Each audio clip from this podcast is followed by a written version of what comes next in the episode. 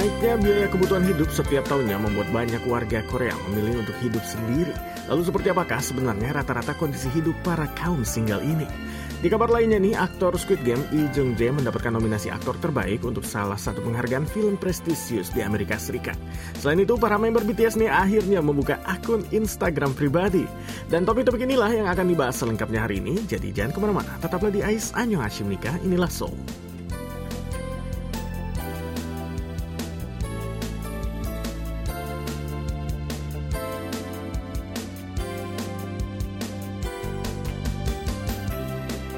Annyeonghaseyo sahabat pendengar setia KBS World Radio. Saya Alvin Kobusya di sini kembali menyapa teman-teman semua dengan info dan kabar terbaru dari Korea di program AIS edisi hari Kamis. Lalu gimana kabar teman-teman hari ini? Dan saya baca berita di hari ini ya, beberapa daerah di Indonesia terkena musibah banjir. Tapi mudah-mudahan semua teman-teman pendengar baik-baik saja ya. Lalu yang terkena musibah semoga cepat dilancarkan dan kembali situasinya kembali seperti semula. Pokoknya stay safe semuanya dan tentunya saling bantu, saling doakan ya. Kami di KBS World Radio siaran bahasa Indonesia juga mendoakan semoga kita bisa melewati akhir tahun ini dengan sehat, aman, dan bahagia. Oke pendengar, seperti yang tadi saya sebutkan di awal, hari ini kita akan membahas topik-topik yang menarik. Misalnya ada kabar dari Lee Jung Jae dan BTS. Tapi pendengar setia sudah pasti tahu ya, kalau kita bahas berita selebritis dan dunia hiburannya nanti di segmen-segmen akhir. Dan untuk topik pertama hari ini nih, kita ada info yang datangnya jauh dari Inggris alias Britania Raya. Tapi tetap ya, namanya juga Ais pasti ada hubungannya dengan Korea. Lalu untuk kita yang tinggal di Asia nih, makanan cepat saji Korea atau bunsik sudah populer sejak lama. Siapa sih sekarang yang nggak tahu dengan topoki, bibimbap, dan juga kimbap? Menu-menu makanan Korea ini mungkin wajar ya bisa diterima di Asia dengan cepat. Dan selain Hallyu sudah masuk duluan di Asia, selera lidah kita nggak terlalu jauh berbeda. Indonesia dan Korea nih contohnya sama-sama suka makanan pedas dan sama-sama cinta dengan nasi. Khususnya saya yang orang Sunda, makanan Korea itu sangat seperti makanan saya di rumah. Karena juga suka makan sayur-sayuran segar ya. Tapi nih, kalau di Inggris, kayaknya sulit ya membayangkan warga Eropa makan tteokbokki yang beda banget dengan menu-menu makanan ala Eropa. Tapi itulah yang tengah terjadi di kota London. Sebenarnya pendengar, Hallyu bukanlah hal yang baru di Inggris ya. Tapi sebelum-sebelumnya nih, kalau misalkan kita tinggal di London dan ingin makan makanan Korea, kita harus pergi ke daerah yang namanya New Malden. Karena di situlah Korea Town berada. Lalu dalam dua tahun belakangan ini nih, restoran-restoran Korea itu mulai menyebar dan jadi sangat mudah ditemukan di kota London. Restoran kimchi jjigae, samgyeopsal, galbi, dokbap, bibimbap semuanya bisa dijumpai di berbagai area kota London, mulai dari area pinggiran sampai area downtown atau pusat kota. Dan bukan hanya menunya saja nih yang menu Korea ya, bahkan hingga dekorasi dan perkakasnya juga sama dengan yang ada di Korea. Jadi kalau kita ke sana nih, seakan-akan restoran-restoran ini dipindahkan langsung dari kota Seoul ke London. Dan yang lebih menakjubkan lagi nih pendengar adalah para pelanggan yang datang ke restoran ini hampir seluruhnya warlock alias warga lokal Inggris ya. Sekitar 95%.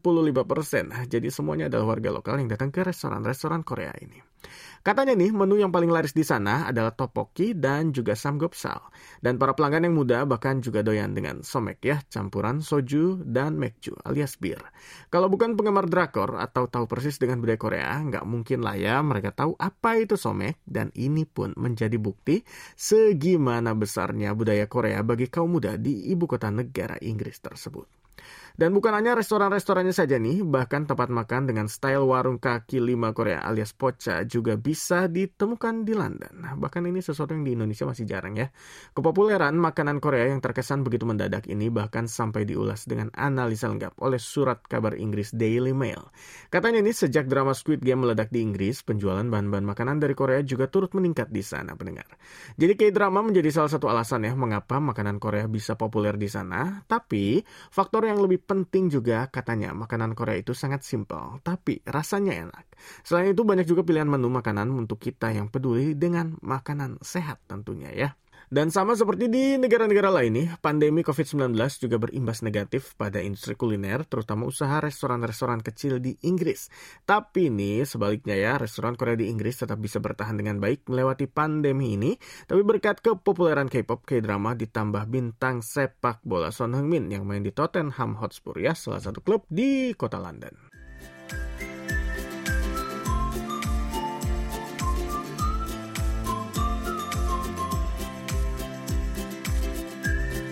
Ya pendengar masih di Ais Anya Macam Nila Sol di KBS World Radio siaran bahasa Indonesia bareng saya Alvin Kobulsia. Dan pendengar, untuk info selanjutnya saya akan bahas tentang realita kehidupan para kaum single alias jomblo di Korea. Kalau kita demen nonton drama Korea yang romantis, kehidupan para kaum single itu kesannya sangat asik ya pendengar ya. Tokoh utamanya biasanya masih kuliah atau baru saja mulai kerja jadi freshman ya, tapi sudah bisa tinggal di apartemen model studio yang luas atau enggak tinggal di rumah yang ada rooftopnya. Ini semacam di drama startup atau love alarm atau run on. Tapi ini, kalau pendengar sukanya seri macam Squid Game, malah kita dapat image yang kebalikannya ya. Kita bisa menemukan tokoh macam Gihun yang single karena cerai lalu terlilit hutang hingga dikejar-kejar oleh lintah darat alias debt collector. Jadi kadang-kadang kita jadi berpikir ya, yang lebih akurat itu yang mana ya di Korea itu. Jawabannya pendengar mungkin ada di tengah-tengah ya, jadi moderat saja. Tahun ini jumlah rumah tangga dengan satu anggota keluarga atau single person household itu mencapai 31,7 persen dari total rumah tangga di Korea. Jadi lebih dari 6,63 juta warga Korea itu hidup melajang alias single dan ini rekor tertinggi sepanjang sejarah sensus di Korea. Dari para kaum single ini, pendengar 19,1 persen adalah golongan usia 20-an dan 16,8 persen adalah golongan usia 30-an. Dan untuk golongan usia 50-an dan 60-an nih masing-masing memegang 15,6 persen, sementara 13,6 persennya dipegang oleh golongan usia 40 tahunan. Ada berbagai macam alasan nih, jadi mengapa ya warga Korea banyak yang memilih untuk hidup single? Misalnya faktor ekonomi yang memegang peranan penting. Jadi biaya kebutuhan hidup yang terus meningkat menjadi salah satu alasannya, tapi ada juga faktor lain pendengar seperti lokasi. Jadi sekitar 24% dari kaum single ini memilih untuk tinggal sendirian agar bisa tinggal lebih dekat dari kampus atau tempat kerja. Lalu meninggalnya pasangan juga menjadi salah satu faktornya yaitu sebesar 23%, sementara 16% lainnya memang tidak tertarik untuk berkeluarga dan ingin stay single saja. Di wilayah ibu kota Seoul sendiri nih, kebanyakan para kaum single adalah golongan usia di bawah 30-an.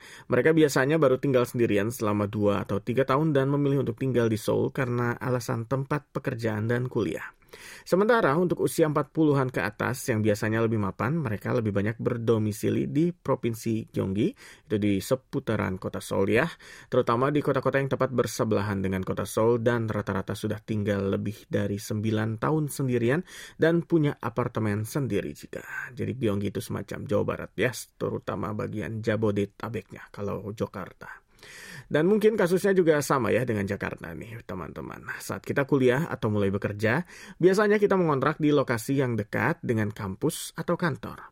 Lalu setelah kita sudah menabung cukup uang, kita biasanya membeli rumah di area pinggiran kota yang harganya lebih murah dari rumah di Jakarta. Di Korea juga demikian pendengar ya, walaupun tinggal di kota Seoul, kebanyakan para kaum single tinggal di apartemen yang luasnya kurang dari 40 meter persegi dan lebih kecil dari tahun sebelumnya, yang rata-rata tinggalnya di luas tempat tinggal sebesar 46 meter persegi. Jadi ini nggak seperti di drama-drama romantis ya pendengar ya, yang tokoh utamanya tinggal di studio apartemen luas dan sangat hmm, lucu banget ya konsep-konsep interiornya ya. Tapi realitanya nih mereka memang tinggal di apartemen dengan satu kamar, dapur, kamar mandi, dan ruang tamu mungil. Itu pun kalau beruntung pendengar. Selain tempat tinggal yang mungil, gaji dan tingkat pengangguran di kalangan kaum single juga menjadi kendala ekonomi yang besar. Dari lebih 6 juta penduduk single di Korea, kurang dari 60% memiliki pekerjaan dengan gaji rata-rata di bawah 30 juta won per tahun atau kurang dari 2,5 juta won per bulan. Dan dari sekian banyaknya kaum single nih, hanya 0,8% saja yang memiliki pendapatan di atas 100 juta won. Dan selain itu di Korea semuanya serba kartu kredit dan pinjaman kan ya. Jadi mudah sekali kita jumpai warga Korea yang tampaknya hidupnya fine-fine saja, tapi ternyata hutangnya banyak.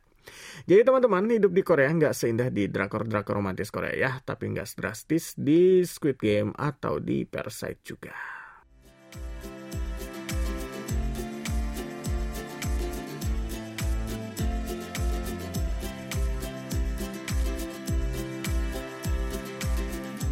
Oh ya, tadi saya sempat ngom ngomongin soal film Parasite ya pendengar ya. Walaupun film ini sudah keluar 2 tahun yang lalu, pengaruh dari film ini masih tetap bisa kita rasakan sampai sekarang ya. Dan kalau dipikir-pikir, film Parasite itu adalah pelopor bangkitnya sinema Korea dengan tema-tema kehidupan yang lebih hiperrealistis.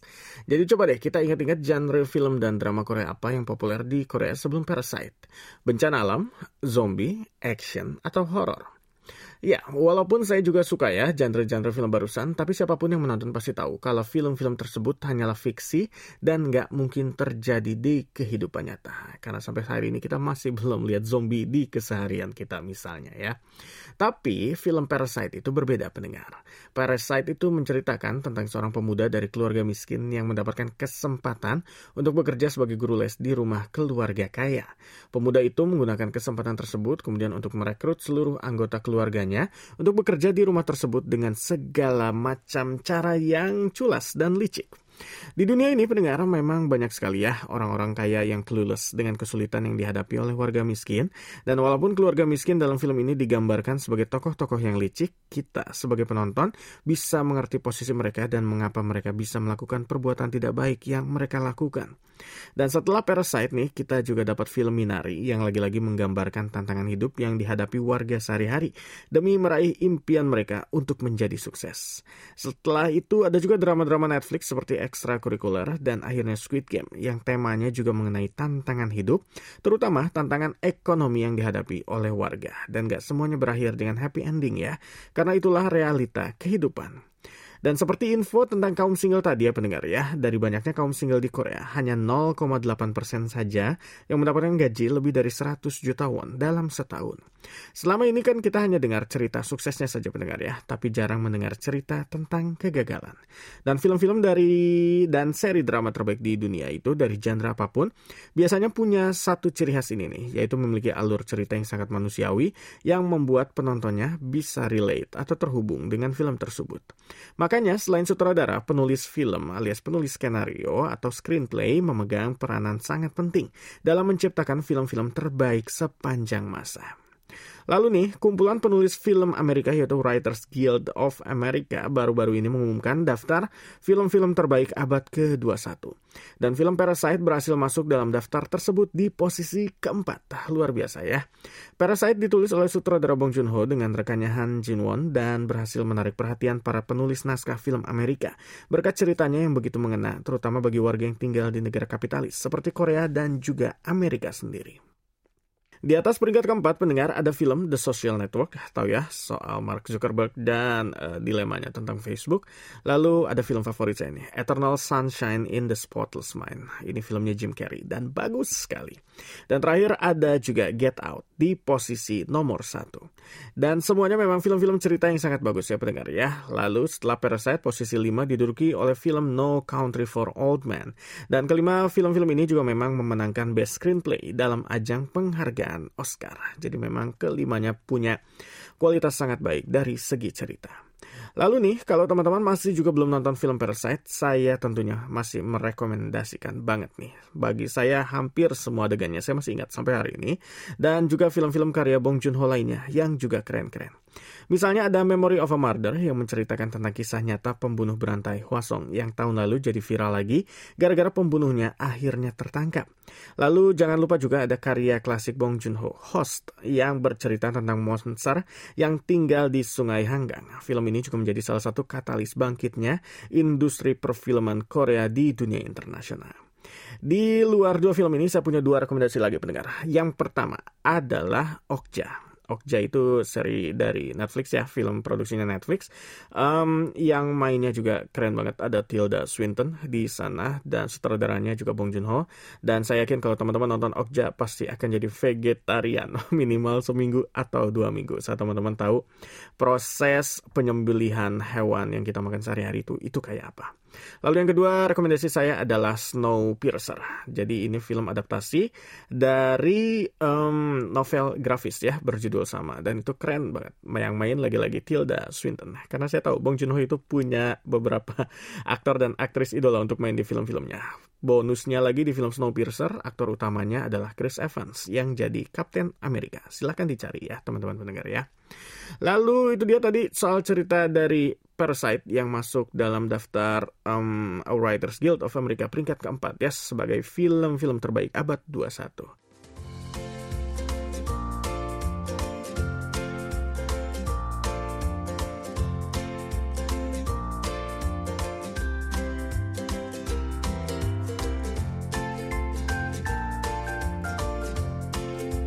Ya pendengar, kita masih di KBS World Radio, siaran bahasa Indonesia di program Ais Annyeonghaseyo Nikahi Nila Soul bareng saya Alvin Kobulus ya. Dan kalau tadi kita ngomongin soal penulis naskah film, sekarang kita akan ngomongin soal kritik film.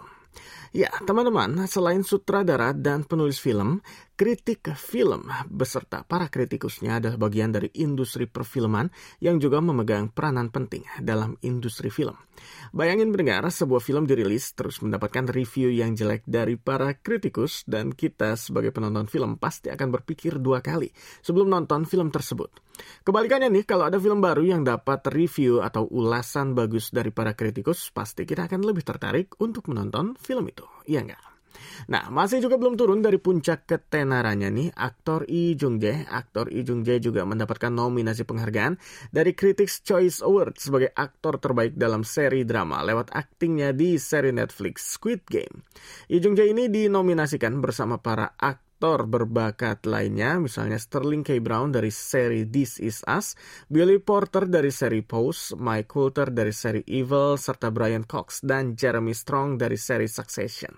Dan setelah Oscar, Emmy, dan Golden Globes, Critics' Choice Award adalah penghargaan film dan TV yang sangat penting di Amerika Serikat karena para pemenangnya dipilih langsung oleh para kritikus film.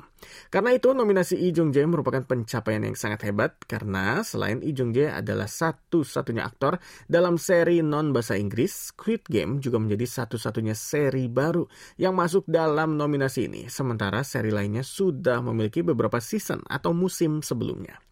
Lalu nih, selain Lee Jung Jae, seri Squid Game juga termasuk dalam nominasi seri TV berbahasa asing terbaik. Dan ini adalah nominasi kedua Squid Game di ajang penghargaan film dan TV Amerika setelah sebelumnya memenangkan Gotham Awards di bulan November kemarin. Adapun Critics' Choice Awards akan diselenggarakan pada tanggal 9 Januari tahun 2022.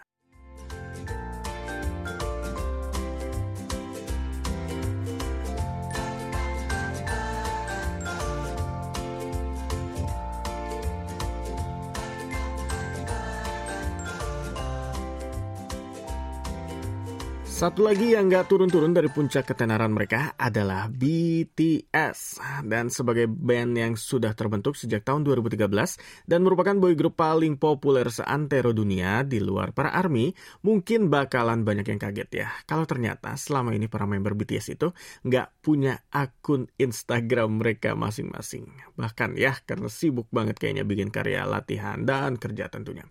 Ya teman-teman, sepulangnya mereka dari Amerika Serikat nih, ketujuh member BTS ini akhirnya membuat akun publik Instagram mereka masing-masing dua hari yang lalu dan sudah bisa ditebak ya, langsung membuat dunia K-pop heboh. Misalnya, dalam sehari saja nih, masing-masing akun Instagram anggota BTS ini langsung menembus 15 juta followers. V, salah satu membernya, menembus rekor dunia dengan 1 juta followers hanya dalam 43 menit, kurang dari satu jam ya. Dan ini mengalahkan rekor sebelumnya 1 jam 40 menit yang dipegang oleh aktris Angelina Jolie. Lagi-lagi V ini juga ia mencetak rekor like terbanyak di Asia dengan jumlah 14 juta like untuk satu satu unggahan atau postingan saja. Dan memang the power of BTS itu luar biasa pendengar ya. Sampai-sampai ini sempat muncul loh kontroversi di kemarin ini. Karena V sempat follow dan unfollow Jennie dari Blackpink. Sampai-sampai akun Instagram Jennie diserbu oleh para fans V yang mengira kalau mereka ada hubungan macam-macam. Tapi ternyata nih setelah diulik V ternyata hanya salah pencet guys. Jadi tahu ya betapa rumitnya Instagram untuk untuk yang baru pertama kali pakai, termasuk para member BTS. Dan saat ini pendengar BTS lagi menikmati liburan panjang mereka ya, dan katanya inilah baru pertama kalinya liburan panjang kedua mereka sejak debut. Dan katanya sih ada kemungkinan tahun depan mereka akan melakukan aktivitas solo, dan juga ada kemungkinan beberapa member bahkan akan melakukan wajib militer. Karena itu, para member BTS pun membuka akun pribadi masing-masing.